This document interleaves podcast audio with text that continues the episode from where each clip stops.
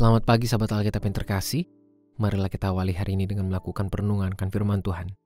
Bacaan Alkitab kita pada hari ini berasal dari Markus 6 ayat 21 sampai 29.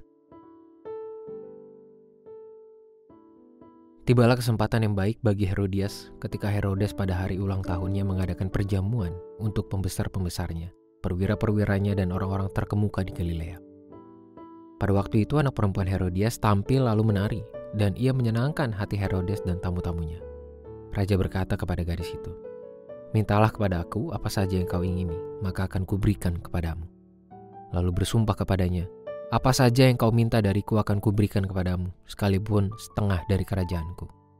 Anak itu pergi dan menanyakan ibunya, Apa yang harus kuminta? Jawabnya, Kepala Yohanes Pembaptis.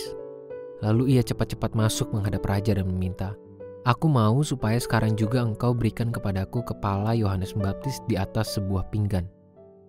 Sangat sedihlah hati raja, tetapi karena sumpahnya dan karena tamu-tamunya, ia tidak mau menolaknya.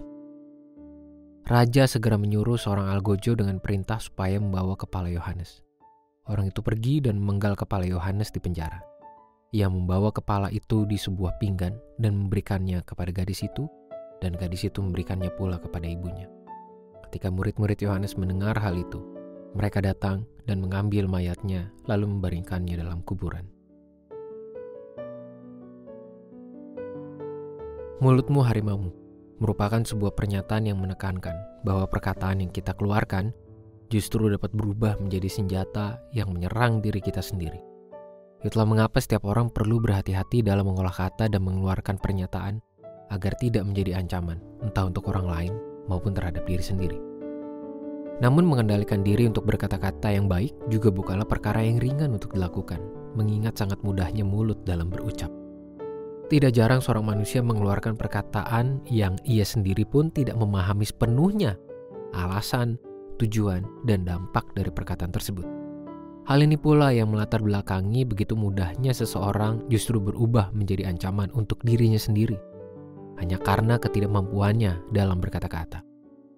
Herodes pun mengalami hal tersebut, yakni ketika ia secara sesumbar mengeluarkan janji karena kesenangan sesaat yang ia rasakan pasca menikmati tari-tarian dari anak perempuan Herodias yang adalah kemenakannya sendiri. Kita memang tidak dapat mengetahui secara naratif apakah kesenangan hati pada diri Herodes hanya sebatas luapan puas secara kesenian atau ada hal lain yang melatar belakangi perasaan senang tersebut. Namun, sudah dapat dipastikan bahwa Herodes membiarkan dirinya terlena dalam kesenangan sesaat hingga secara asal mengeluarkan perkataan yang berubah menjadi penyesalan untuk dirinya sendiri. Sahabat Alkitab, kiranya permenungan firman Tuhan pada hari ini cukup memberikan kita teguran sekaligus panduan untuk lebih cermat dalam mengolah perkataan. Jangan sampai kita bermuara pada penyesalan akibat ucapan yang keluar dari mulut secara sembarang. Kita perlu mengingat bahwa lidah tidak bertulang, yang membuat begitu mudahnya perkataan keluar dari mulut kita sendiri. Marilah kita berdoa.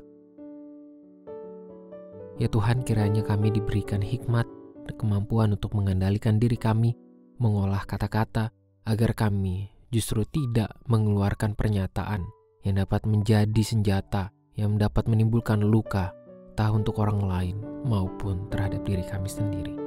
Biarlah mulut kami hanya mengeluarkan perkataan yang membangun. Hanya di dalam nama Tuhan kami Yesus Kristus kami berdoa dan menyerahkan kehidupan kami. Amin.